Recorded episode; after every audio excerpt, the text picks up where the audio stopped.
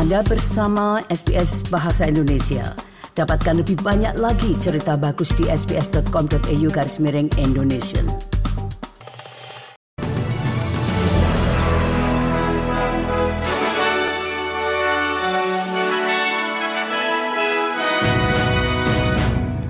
Berita terkini SBS Audio Program Bahasa Indonesia untuk hari Minggu 30 Juli 2023.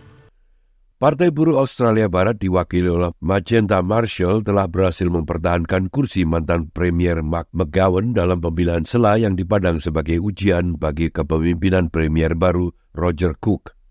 Menurut jajak pendapat, popularitas Mr. Cook dalam beberapa pekan terakhir menurun meskipun Partai Liberal memegang 54 persen dan Partai Buruh 46 persen.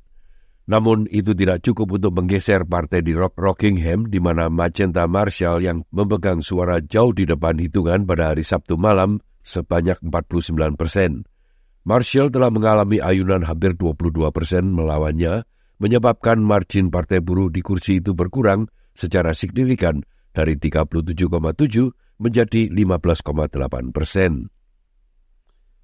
Puing-puing telah ditemukan dalam pencarian empat orang yang masih hilang setelah sebuah helikopter Angkatan Darat Australia jatuh di perairan Pulau Lindeman di Queensland selama latihan bersama militer. Petugas penyelamat dan pemulihan darurat mengatakan puing-puing yang konsisten dengan bagian helikopter telah ditemukan di dekat lokasi kecelakaan, namun belum dapat memastikan apakah itu berasal dari pesawat yang hilang. Pejabat Asisten Komisaris Douglas McDonald dari Kepolisian Queensland mengatakan pencarian skala besar masih dilakukan untuk menemukan kru yang hilang.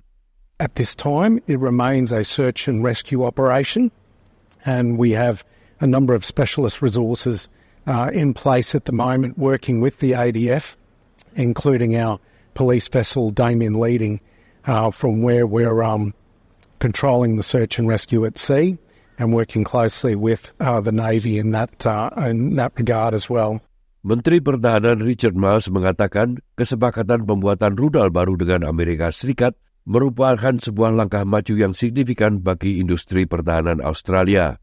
Menteri Pertahanan, Menteri Luar Negeri, dan rekan-rekan Amerika Serikat mereka telah mengumumkan perjanjian baru yang akan membuat Australia memproduksi dan mengekspor sistem roket multi peluncur berpemandu pada tahun 2025 dan memberi Australia akses yang lebih besar ke pasokan senjata militer Amerika Serikat melalui proses akuisisi yang disederhanakan.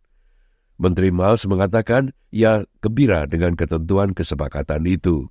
This represents a very, very significant step forward in our relationship and in the relationship of our defence industry.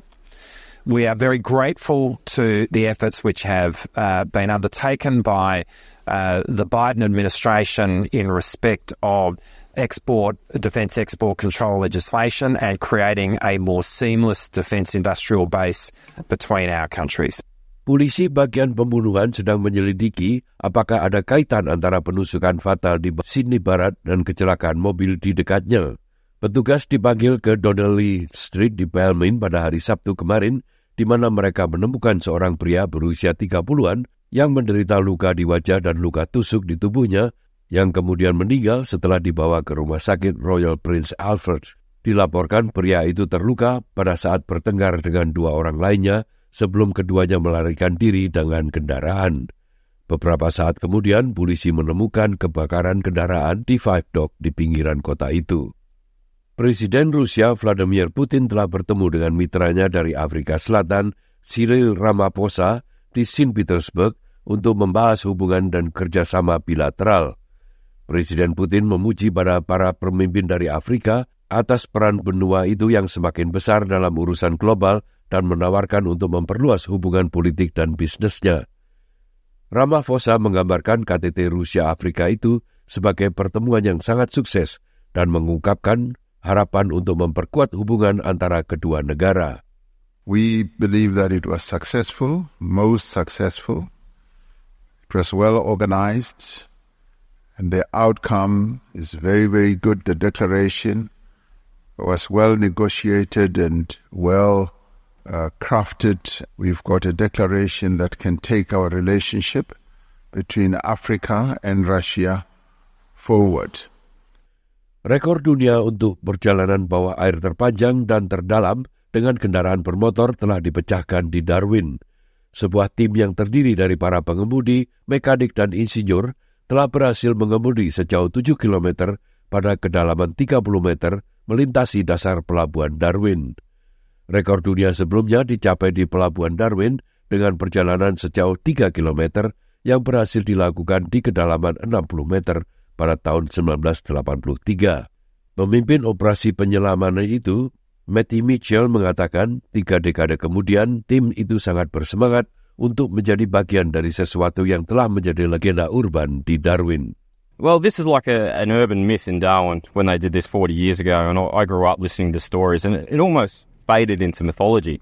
Um, so to do it again and hopefully succeed, it sort of cements that as a, a real, you know, a real thing, and it showcases the capabilities. We can actually do some things in Darwin.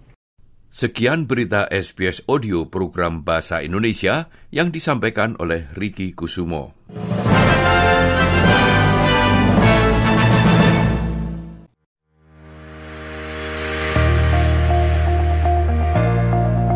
Anda masih mendengarkan siaran SBS Audio program Bahasa Indonesia. Jika Anda ingin menghubungi kami, silahkan menelpon kantor kami di Sydney pada nomor 02 9430 3135 atau kantor kami di Melbourne dengan nomor 03 9949 2208. Anda juga dapat menghubungi kami melalui email pada alamat indonesian.program at sbs.com.au.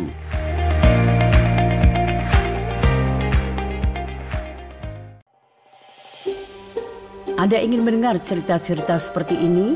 Dengarkan di Apple Podcast, Google Podcast, Spotify, atau di mana pun Anda mendapatkan podcast Anda.